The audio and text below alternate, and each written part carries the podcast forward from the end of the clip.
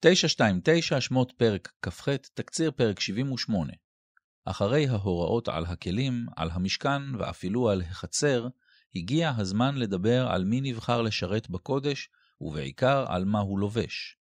מי? אהרון אחיך בניו איתו, פסוק א'. מה ילבש אהרון? לאהרון וממנו והלאה לכל מי שיכהן במשרות הכהן הגדול, בגדי קודש לפי הפירוט הזה. חושן ואפוד ומעיל, וכתונת, תשבץ, מצנפת ואבנת, פסוק ד'. כל הבגדים יוכנו מאותם חומרים יקרים שהוכן מהם המשכן, חוץ מהעצים בעצם, ובנוסף אבני חן. מלבד המטרה המפורשת לכבוד ולתפארת, פסוק ב', אפשר לזהות בעיצוב הבגדים לא מעט תפקידים ומשמעויות. אחת, האפוד, פסוקים ו' עד י"ב, הוא סוג של סינר עליון. בכתפיות האפוד שולבו שתי אבני שוהם, ופיתחת עליהם שמות בני ישראל, שישה משמותם על האבן האחת, ואת שמות השישה הנותרים על האבן השנית כתולדותם. פסוקים ט' עד י. שתיים חושן, פסוקים ט"ו עד ל. תכשיט זהב שבו משובצות 12 אבנים יקרות, ועליהן שמות שבטי ישראל. ונשא אהרון את שמות בני ישראל בחושן המשפט על ליבו בבואו אל הקודש, לזיכרון לפני אדוני תמיד. פסוק כ"ט. שלוש, מעיל ובשולב פעמונים, לפעמים צריך להשמיע קול.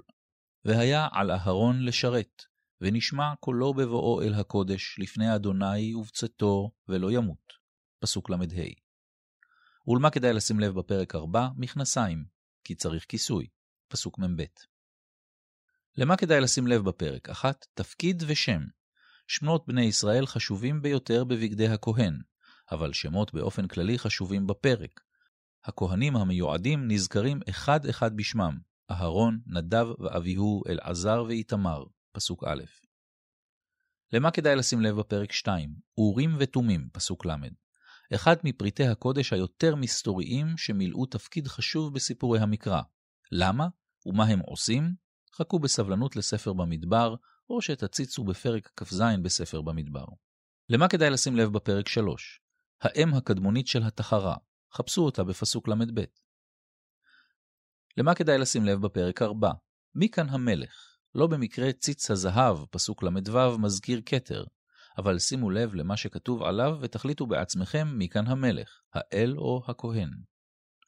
ולמה כדאי לשים לב בפרק 5? צל של סכנה. מעל החגיגיות שבקודש מרחף צל של סכנה. העקבות שלו תוכלו למצוא בפסוק ל"ה ובפסוק מ"ג. את התקציר כתבה מרים בלומנטל.